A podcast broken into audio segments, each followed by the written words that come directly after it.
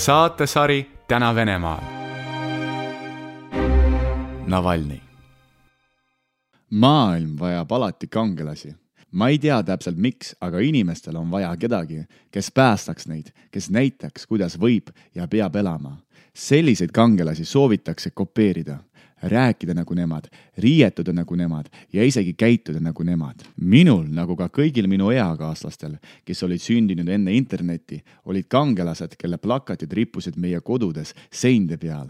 Jean-Claude Van Damme, Tupac Shakur, isegi Britney Spears minu isa kangelaseks oli Mike Tyson, tänu kellele hakkasin minagi hiljem poksiga tegelema. Tysoni plakateid meil ei olnud, kuid oli VHS kassett tema matšidega. kui keegi ei tea, siis Mike Tyson on läbi aegade kõige noorem maailmameister raskekaalus, kes võitis oma esimese meistritiitli, kui ta oli vaid kakskümmend aastat vana, lüües teises raundis noki Trevor Burbecki, poksja, kes omakorda saatis pensionile legendaarse Muhamed Ali.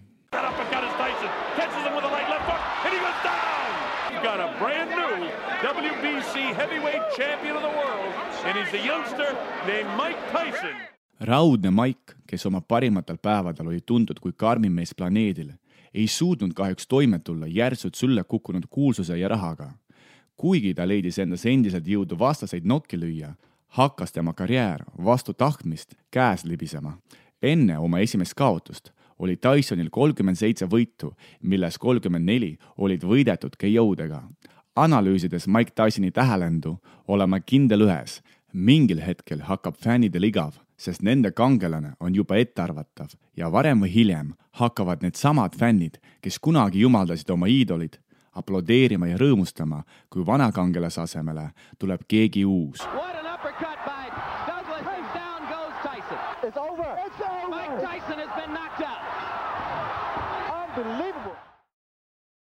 Venemaa aasta kaks tuhat kakskümmend. selle riigi põhikangelaseks juba viimased kakskümmend aastat on Vladimir Putin. nagu Tyson kunagi, on Putin tänapäeval muutunud ettearvatavaks. ükskõik, mida ta ka ei räägiks, Venemaa tavakodanikud võivad ise lõpetada enamus tema lausetes kerge vaevaga eriti populaarne on fraas seaduse raamides. В рамках закона. Только в рамках закона. Действую в рамках закона. sõltumata sellest, mida president ka täna ei räägiks, pole elu Venemaal kahjuks paremaks läinud. Venemaa nagu seisaks ühe koha peal kinni. seda aktuaalsemaks muutub küsimus, mis tuleb peale Putinit. kui veel täpsemalt küsida, siis kes? valitsev eliit isegi ei mõtle sellest uuendatud konstitutsioon annab praegusele presidendile võimaluse olla oma kohal kuni aasta kaks tuhat kolmkümmend kuus. Alati noor botoksiga sillutud presidendi nägu annab samuti mõista, et tema ei lähe mitte kuhugi. kuid suured vapustused juhtuvad alati siis, kui neid oodatakse kõige vähem. matšis, milles Tyson kaotas esimest korda, oli ta favoriit nelikümmend kaks ühele ja kui te oleksite sellel päeval panustanud ühe dollari tema kaotusele, oleksite võitnud nelikümmend kaks. Paljud poksifännid olid selleks ajaks juba tüdinenud Dysoni valitsemisest, kuid keegi nendes ei arvanud, et ta kaotab juba sellel õhtul. kes siis veel, kui mitte Putin, küsivad minult tema pooldajad ja mina vastan Aleksei Navalnõi kujutame ette, et me vaatame pealt poksimatši, kus toimub võitlus Venemaa presidendi tiitlile. sinises nurgas Vladimir Vladimirovitš Putin. Ta on kuuskümmend seitse aastat vana, tema kasv on sada seitsekümmend sentimeetrit, hariduselt jurist, on kaitsnud Venemaa presidendi tiitlit viimased kakskümmend aastat. kõik valimised on võitnud ilmse ülekaaluga, mitteametlikult kannab ta Venemaa kõige rikkama inimese staatust. tal on kaks last, lahutatud, selles lahingus omab favoriiti staatust. Ja tema vastane punases nurgas, pretendent Aleksei Anatoljevitš Navalnõi. ta on nelikümmend kolm aastat vana. tema kasv on sada kaheksakümmend kaheksa sentimeetrit, hariduselt jurist. tema kontol on kümme aresti, nelikümmend seitsekümmend neli päeva vangis. ta on kahe lapse isa, abielus, omab üle viie miljoni jälgija Youtube'is, on Venemaa korruptsioonivõitlusfondi juht. tal on underdogi staatus Vladimir Vladimirovitš, kas te olete valmis? Aleksei Anatoljevitš, kas te olete valmis? Round one, fight! neljandal juunil kaks tuhat kakskümmend saab Aleksei Navalnõi neljakümne nelja aastaseks. peale juba nimetatud omaduste on Navalnõi tuntud kui ka inimene, kes koos oma meeskonnaga uurib ja paljastab riigiametnike poolt toime pandud vargusi. uurimustulemustest teeb ta filme iga selline film räägib detailselt, kuidas võimul olevad inimesed kõrvaldavad maksumaksjate raha. kõige tuntum filmuuring kannab nime On vam ni Dimon, mis eesti keeles saaks tõlkida kui Teie jaoks ta ei ole Dimon ja mis on pühendatud endisele Venemaa presidendile ja peaministrile Dmitri Medvedjevile. Film vastab küsimusele, miks Venemaal, maailma ühes rikkamas riigis, elavad inimesed nii vaeselt sest nii nagu varastatakse Venemaal, ei varastata enam kuskil. seda filmi, mis laaditi Youtube'i ülesse kahe tuhande seitsmeteistkümnendal aastal, on tänaseks vaatanud juba kolmkümmend viis miljonit inimest. selles filmis on lihtsal moel näidatud, kuidas inimene, kes on üles kasvanud Nõukogude Liidu defitsiidi reaalsuses ja kes sai ligipääsu absoluutsele võimule, otsustab saada kahekümne esimese sajandi imperaatoriks ja kui sa oled imperaator, siis sinu elutingimused peavad olema imperialistlikud. kõige naljakam on see, et Dmitri Medvedjev on välimuselt väga sarnane tsaari Venemaa viimase imperaatori Nikolai Teisega. internetis võib leida palju meeme, kus nad on koos samal pildil mõisad ja lossid üldpinnaga kolm kuni kuus tuhat ruutmeetrit ja need on ainult hooned, eralennukid, kahekümne viie meetrised jahid, kõik nimetatud asjad kuuluvad mitteametlikult Dmitri Medvedjevile. miks mitteametlikult, sest Venemaa president ei teeni ametlikult nii palju. kui teid huvitab, kuidas Venemaa riigiametnikud kõrvaldavad maksumaksjate raha, siis kindlasti vaadake seda filmi. Dmitri Medvedjevile ei meeldi intervjuudes eriti vastata küsimustele selle filmi kohta. ta ütleb vaid seda, et Navalnõi on kokku pannud mingi kompotti tõestamata faktidest, mida esitab vaatajatele filmina.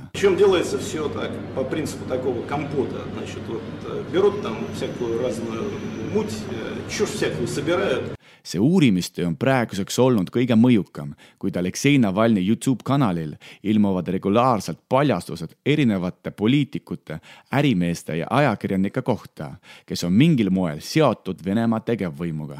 Aleksei Navalnõi poliitilises karjääris tahaksime välja tuua kolme saavutust. saavutus number üks kahe tuhande kolmeteistkümnendal aastal osales Navalnõi Moskva linnapea valimistel, kus ta sai kakskümmend seitse protsenti valimas käinute häältest ning ausa teise koha. ta kaotas ainult senisele linnapeale Sergei Sobjaninile, kes kogus viiskümmend üks protsenti valijate häältest. kui arvestada, et Sergei Sobjanin on üks võimupartii Jedina Rossija liidritest, siis võib seda tulemust pidada suurepäraseks millest tuleb poliitiline saavutus number kaks katse osaleda kahe tuhande kaheksateistkümne aasta presidendivalimistel. Miks katse, küsite teie, sest vähesed ootasid, et Navalnõi saab nii suure toetuse Moskva elanike poolt linnapea valimistel. kui usaldada ametlikku statistikat, siis nende valimistel tema poolt hääletas kuussada kolmkümmend kaks tuhat kuussada üheksakümmend seitse inimest, mis oleme nõus, ei ole vähe alates kahe tuhande kolmeteistkümnendast aastast hakkas Navalnõist kujunema ainuke reaalne tegevvõimu oponent Venemaa poliitilisel areenil ja et mitte lasta tal saada veel tugevamaks, pidi riik tema vastu kokku panema võltsitud kriminaalsüüdistuse. sellise süüdistusega Venemaa kodanik ei saa aga esitada ka oma kandidatuuri presidendivalimistele tegelikult oli see menetlus vormistatud juba kahe tuhande kolmeteistkümnendal aastal enne Moskva linnapea valimisi ja siis määrati Navalnõile kõigepealt reaalne viieaastane vangistus, kuid peale tuhandete inimeste proteste umbes kahekümnes Venemaa erinevas linnas muudeti see karistus tingimisi karistuseks ja Navalnõi lasti vangist välja.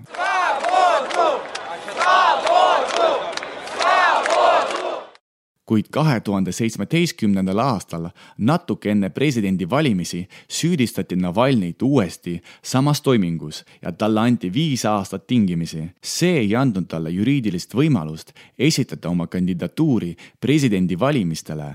ma usun, et ainult Venemaal saab kaks korda järjest süüdistada inimest ühe ja sama asja eest. poliitiline saavutus number kolm tegutsev president Vladimir Putin ei ütle kunagi Aleksei Navalnõi nime. nagu ma juba ütlesin kunagi varem, reaalne opositsioon kas pannakse vangi, tapetakse või käitutakse temaga nii, nagu teda polekski olemas. ma usun, et Putin teeb Navalnõi puhul just seda viimast ja meelega ei märka, et talle on tekkinud reaalne konkurent poliitilisel areenil. Putini pressiesindaja Dmitri Peskovi sõnul ei kasuta Vladimir Vladimirovitš Navalnõi nime seepärast, et mitte anda Navalnõile tükikest oma populaarsusest. seetõttu kasutab Putin vastates ajakirjanike küsimustele Navalnõist selliseid sõnu nagu see härra, mõned tegelased või personaaž. kuid mis eristab Aleksei Navalnõi teistest opositsionääridest, mis teeb teda päriselt Putini kõige suuremaks konkurendiks. ma vastaksin, et kõigepealt tema meeletu kartmatus. riigis, kus võim on harjunud juhtima oma kodanikke ähvardustega ja hirmutustega, Aleksei Navalnõile see mingil imelikul moel ei mõju.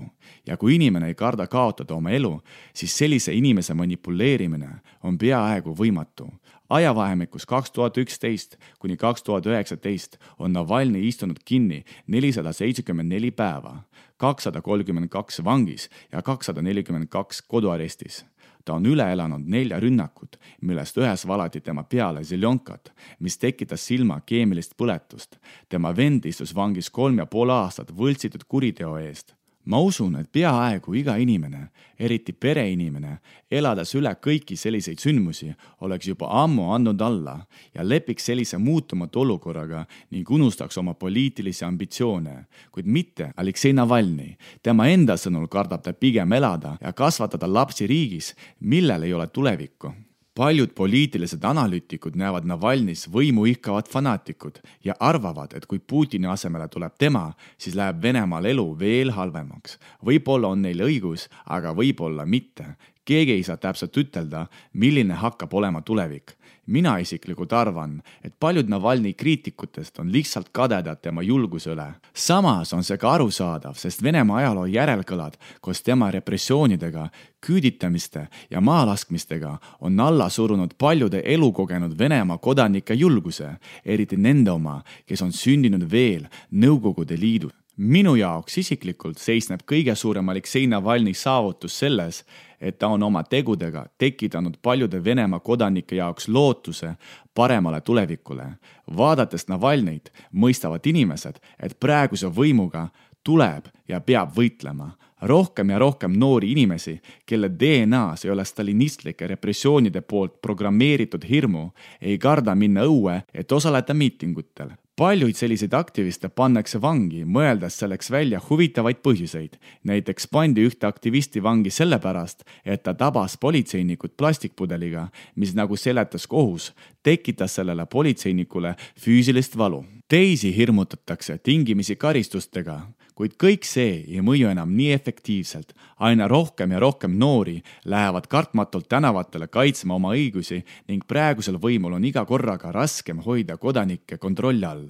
Pole ime, et Venemaa riikliku eelarve koostamisel eelistatakse raha andmisel riigi sise- ja väliskaitset. näiteks haridusele, kultuurile ja tervishoiusüsteemile kulutakse kokku viis korda vähem raha kui jõustruktuuridele. Just seetõttu tänapäevane Venemaa takerdub valdkondades, mis maailmas on iga demokraatliku riigi arenguks vajalikud. Ma ei väida, et just Aleksei Navalnõi saab järgmiseks presidendiks, aga ma olen kindel, et tema eeskuju on juba praegu innustanud tervet noort põlvkonda inimesi, kes alles alustavad oma iseseisvat elu. Ja ma usun, et nende seas on keegi, kellest lähitulevikus võib saada uus Venemaa liider selline liider, kes enam ei positsioneeri Venemaad imperialistlike plaanidega sõjalise agressorina ning keskendub sellele, et Venemaa oleks maailmas tuntud oma uuenduste poolest meditsiinis ja tipptehnoloogias ning et tavakodaniku elu ja tervis oleksid selles riigis esimesel kohal meil kõigil on omad hirmud. tihti need hirmud segavad tõsiselt meie elu inimeste hirmude problemaatika seisneb selles, et me kõik tunneme neid enda sees, kuid samas kardame kohtumist nendega. ainult leppides sellega, et sa kardad, on võimalik oma hirmudest üle saada Vladimir Putin, kes on luureorganisatsiooni juurtega süsteemi inimene ja kes on harjunud lahendama juba pikemat aega kõiki oma küsimusi jõuga, kohtas Navalnõi näol võib-olla esimest korda elus inimest, kes ei karda seda jõudu, ei käitu selle loogika ja reeglite järgi ning võib-olla just see fakt tekitas temas endas hirmu. Hirmu, et ta ei suuda ohjeldada seda maru, mida oma tegevusega juba tekitab Aleksei Navalnõi ja võib-olla Putini arvates on selle hirmu eitamine kõige parem viis sellest hirmust üle olla. kaotades esimest korda elus profipoksimatši, oli Mike Tyson favoriit nelikümmend kaks ühele. sellel päeval ei arvanud keegi, et Tyson võib kaotada. kõik mõtlesid ainult selle peale, mitmendas raundis ta nokauteerib oma vastase kõige suuremad kaotused juhtuvad just siis, kui seda oodatakse kõige vähem nagu ütleks Aleksei Navalnõi, kohtume kaunil tuleviku Venemaal. ja nagu alati saate lõpus uus hea lugu Venemaalt, mis sai väga populaarseks Tiktokis, laul, mida esitab Vladimir Putin ise. Покинула чат. До встречи! Твоя песенка это колонки молчат. Я сделал тебе больно и покинул я чат. Вокруг тебя много нормальных девчат Но лишь я сделал больно И покинул я чат, чат, чат, чат Чат, чат, чат, чат, чат, чат, чат, чат Покинул я чат, чат, чат, чат Чат, чат, чат, чат, чат, чат, чат, чат Заливаешь боль, боль на своих тусовках Ты по мне скучаешь, а я не особо просишься назад. Но я же знаю, что ты больше не пришлю тебе запретные фото. Отпусти, не держи меня Не ищи меня, не люби меня. Разошлись наши линии. Хочешь шептать? С твоим именем. Твоя песенка это колонки молчат. Я сделал тебе больно и покинул я чат Вокруг тебя много нормальных девчат Но лишь я сделал больно И покинул я чат, чат, чат, чат Чат, чат, чат, чат, чат, чат, чат, чат Покинул я чат, чат, чат, чат Чат, чат, чат, чат, чат, чат, чат, чат я больше не ангел, что скучает дома. Ты нашим секрет чай получил меня. Такому Хочешь поговорить, но я нажимаю. Крестик Вот теперь друзьями эти грустная песня Отпусти, не держи меня. Не ищи меня, не люби меня. Разошлись наши линии. Хочешь шептать с твоим именем Твоя песенка это колонки молчат Я сделал тебе больно и покинул я чат Вокруг тебя много нормальных девчат Но лишь я сделал больно и покинул я чат Чат, чат, чат Чат, чат, чат, чат, чат, чат, чат, чат Покинул я чат, чат, чат, чат Чат, чат, чат, чат, чат, чат, чат, чат Покинул я чат, чат, чат, чат check, check, check, check, check, check, check, check. I you know, yeah. Check, check, check, check, check, check, check, check, check, check, check.